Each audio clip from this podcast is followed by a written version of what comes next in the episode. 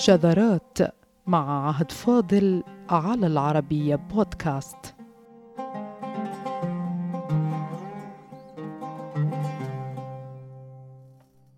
يطيب لنا أيها السادة وبمناسبة اليوم العالمي للغة العربية الفصحى أن نلقي الضوء على ارتباط الفصحى بشخصية العربي وارتباط النحو بعقله.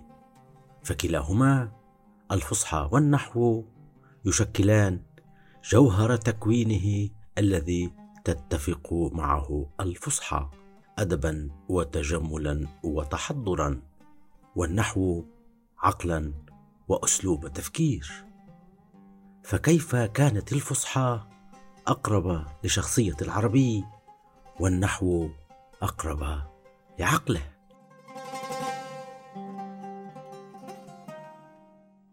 صحيح أعزائنا ثمة دمج حصل لاحقا ما بين الفصحى والنحو على اعتبار أن الاثنين يكملان بناء اللغة العربية. إلا أن هذا الدمج كان على حساب الفصحى ولم يكن على حساب النحو. ذلك أن الفصحى هي التي رافقت العربي في وعيه التاريخي قبل الإسلام فكان العربي فصيحا. والعرب فصحاء. فيما لم يكن أي منهم نحويا لأن الفصحى تتعلق باللسان العربي كآلة منتجة لصوت الحرف. أما النحو فهو القانون الذي يضبط الكلام خاصة بعد مجيء الإسلام ونزول القرآن الكريم.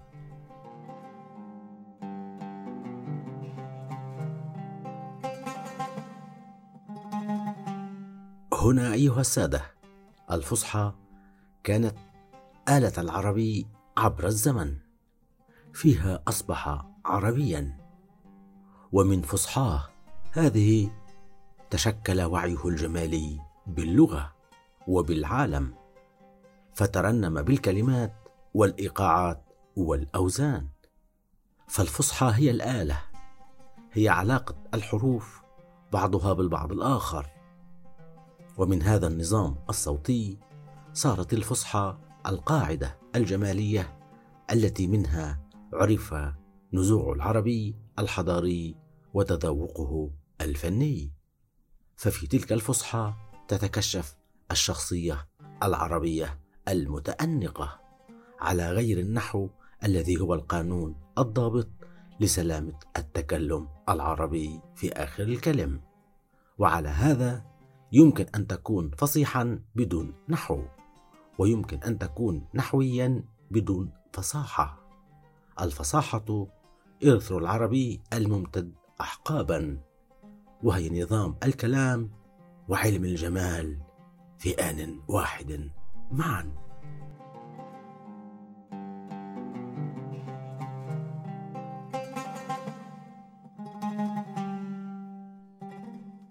في اليوم العالمي للغة العربية الفصحى وهو احتفال عالمي أقرته الأمم المتحدة تكريما لدور العربية في التاريخ والجسر الذي شكلته ما بين حضارات العالم والإرث الذي تركته للثقافة العالمية أدبا وفلسفة وعلما.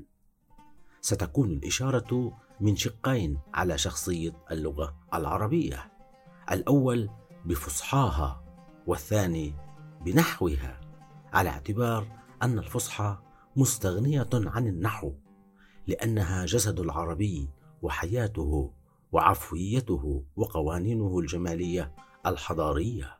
فيما النحو هو التتويج العقلي للغة العربية وإبراز منطقيتها التي يمثلها النحو باعتباره البعد العقلي في اللسان.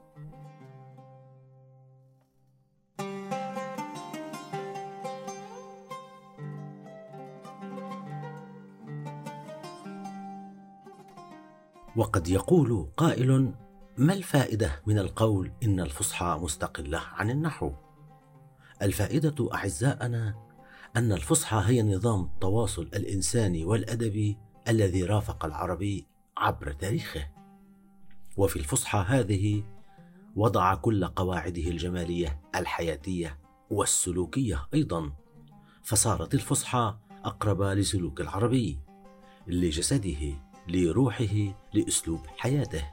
صارت صورة من حضارته وتطوره التاريخي على غير النحو الذي جاء لاحقا.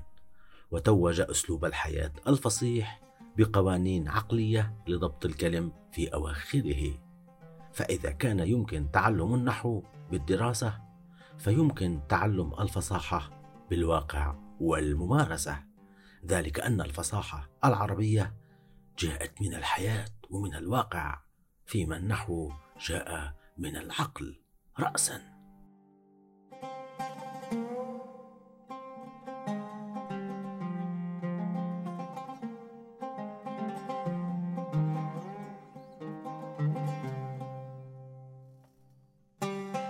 ولنعلم وفي يومها العالمي كيف أن الفصحى هي الشخصية الجمالية للعربي وهي مستواه الحضاري.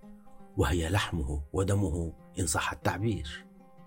فلندخل اولا في باب تعريف الفصاحة وكيف يكون الكلام فصيحا. سنلخص لكم أعزائنا ما أجمع عليه الرؤساء وهو الدليل القاطع على أن الفصاحة شخصية العربي ولحمه ودمه فيما النحو عقله الذي توج شخصيته لاحقا. ففي الفصاحة تعريف العربي تماما فيمكن القول الفصاحة العربي.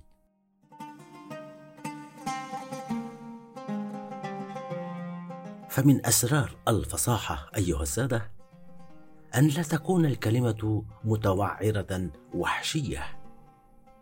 لكن ما هي المشكلة إذا كانت الكلمة متوعرة وحشية كما يوصف في الأمهات. أليست كلمة وحسب ويفهمها الناس؟ هنا الفصاحة التي هي شخصية العربي وتأنقه فالتوعر والوحشية يأنفهما السمع والذوق. اذا الفصاحة امتداد للذوق. لاحظوا ملكا كالوليد بن عبد الملك الخليفة الأموي الشهير. ماذا قال عندما سمع كلمة متوعرة في بيت لجرير؟ قال فيه وتقول بوزع قد دببت على العصا هلا هزئت بغيرنا؟ يا بوزع.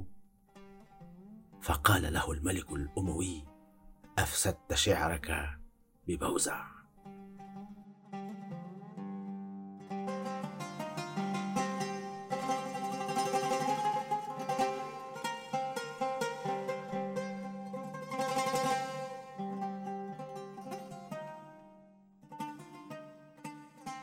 لاحظوا الأناقة والتحضر. ذلك أن الفصاحة كما لو أنها لباس للعربي يتجمل فيه. فلما استعمل جرير اسم بوزع وما فيه من توعر نهض له الملك فقال أفسدت شعرك ببوزع.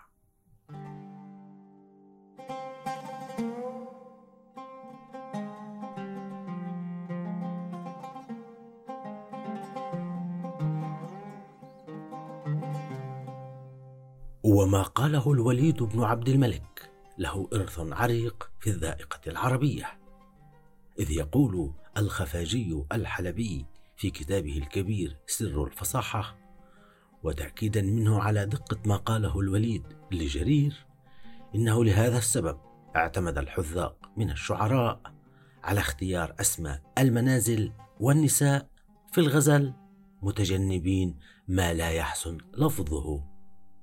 أي أن انتقاد الملك الأموي لجرير لاستعماله كلمة بوزع هو جزء من وعي جمالي عريق سار عليه شعراء العربية ومتكلموها دهورا طويلة.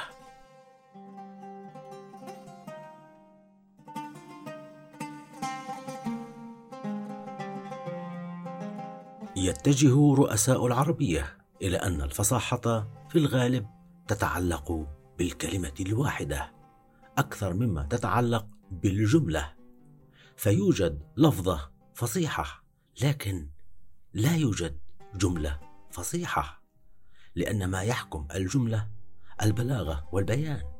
فيما يحكم اللفظه فصاحتها فهي لون أو أقرب للون كما قال أحد رؤساء العربية وفي قوله الفصاحة لون نقترب إلى أن الفصاحة شخصية العربي ولحمه ودمه. يقول الرئيس الخفاجي في سر الفصاحة ولاحظوا أنه اختار السر صفة للفصاحة ذلك أنها سر فعلا خبيء في طيات الشخصية الحضارية العربية.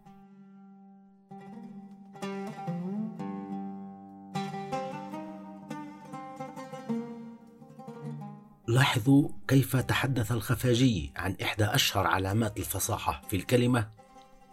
وهي أن تكون مخارج حروفها متباعدة. فكيف فسر الرئيس ذلك؟ قال: أن يكون تأليف تلك اللفظة من حروف متباعدة المخارج. وعلة هذا واضحة والكلام للرئيس. وهي أن الحروف التي هي أصوات تجري من السمع مجرى الألوان من البصر. ولا شك في أن الألوان المتباينة إذا جمعت كانت في المنظر أحسن من الألوان المتقاربة. ولهذا كان البياض مع السواد أحسن منه مع الصفرة. لقرب ما بينه وما بين الأصفر وبعد ما بينه وبين الأسود.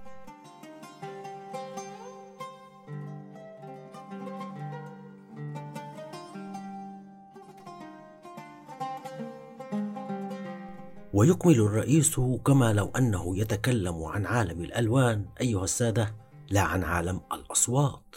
فيقول العلة في حسن اللفظة المؤلفة من الحروف المتباعدة هي العلة نفسها في حسن النقوش إذا مزجت من الألوان المتباعدة. انتهى كلام الرئيس. فهل هذا درس في الرسم أم الكلام أيها السادة؟ وهل هو تحديد لمعنى الفصاحة أم معنى اللون؟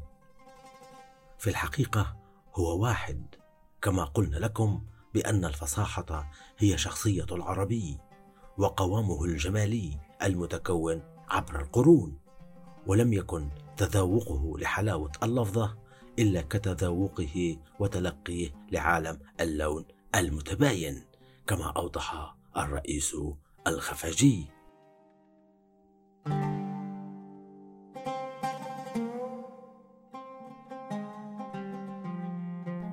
هذا مثلا من الممكن أن يساعدنا على فهم كيف أن الوليد بن عبد الملك وهو القائل لجرير أفسدت شعرك ببوزع كونها متوعرة وحشية كان بهذا الحس الجمالي الرفيع الفصيح هو نفسه باني المسجد الأموي في الشام وهو آية من آيات الفن المعماري جمالا ونقوشا ورسوخا.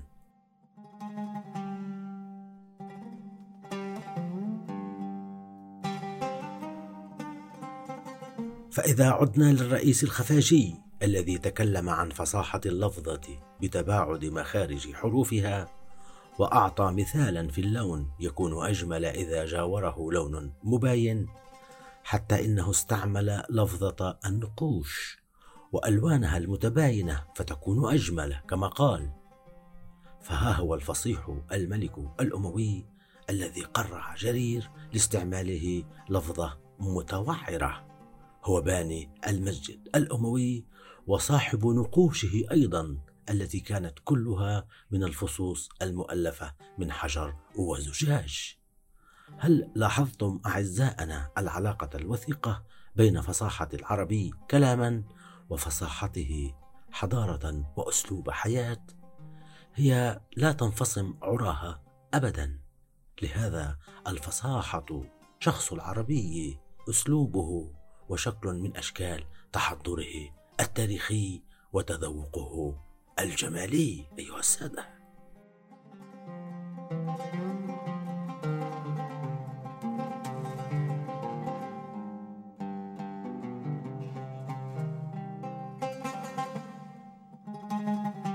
أفسدت شعرك ببوزع.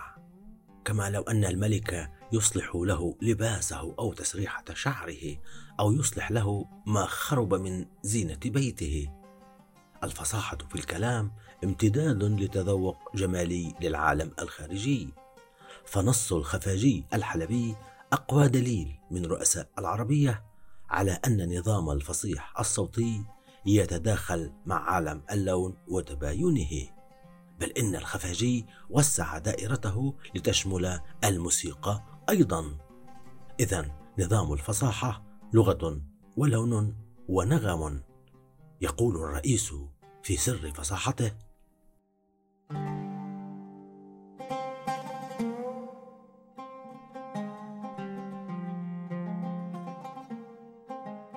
أن تجد لتأليف اللفظة في السمع حسنا على غيرها وإن تساويا في التأليف من الحروف المتباعدة كما أنك تجد لبعض النغم والألوان حسنا يتصور في النفس ويدرك بالبصر والسمع دون غيره مما هو من جنسه.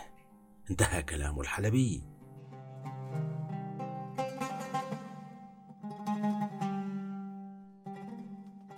هل هناك أدنى شك أيها السادة بعد الآن بأن نظام فصاحة العربية هو نظام تتداخل فيه عوالم السمعيات والبصريات حتى أصبحت الموسيقى وعالم اللون والنقوش امتدادا أو توليدا لهذا النظام.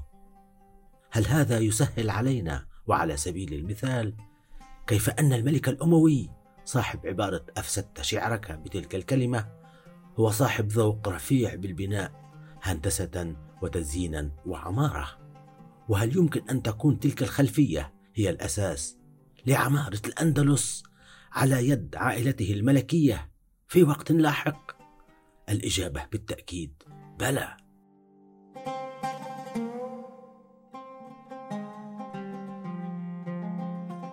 هكذا اعزائنا أهمية الفصاحة وضرورة عزلها عن النحو لأن الفصاحة هي وعي العربي الجمالي لتباينات اللون والصوت والأبعاد. فمثلا من أسرار فصاحة اللفظة أن لا تكون كثيرة الحروف بل تكون معتدلة لأن كثرة حروفها تشتت الانتباه فتصبح قبيحة بسبب هذا الطول. فلا تعود. فصيحة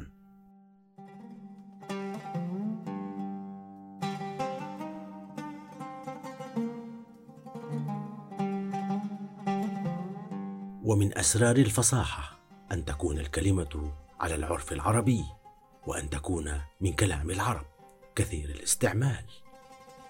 لاحظوا أعزائنا كيف تقترب الفصاحة من الحياة المشتركة والهوية الجماعية أيضا.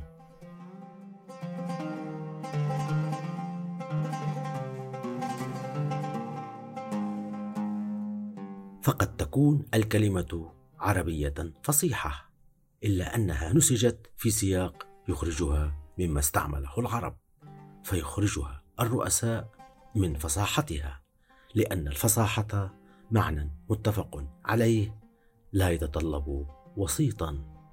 فإذا تطلبت الكلمة من السامع أن يذهب ليبحث عن معناها هنا أو هناك فلا تعود اللفظة فصيحة.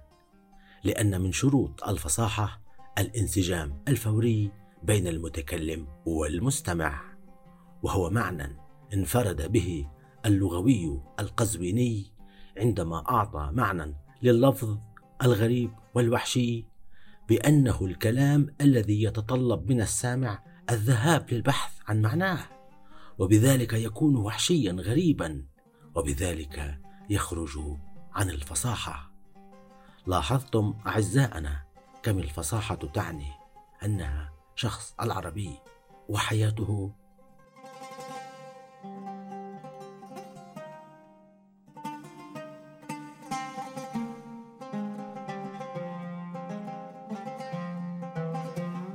ويقول السيوطي في إشارة بليغة منه إلى أن عهد العرب قديم في التاريخ. فلا يمكن لأي أحد معرفة النظام الذي على أساسه حررت قوانين لغتهم.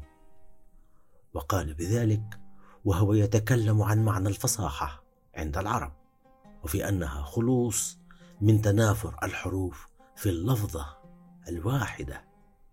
ذلك أن الفصاحة سر بكل معنى الكلمة لأنها علم مبني على إدراك انسجام علاقات العالم الخارجي صوتا ولونا وكلمات.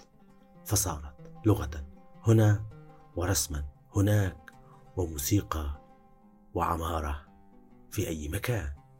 والسلام عليكم. thank you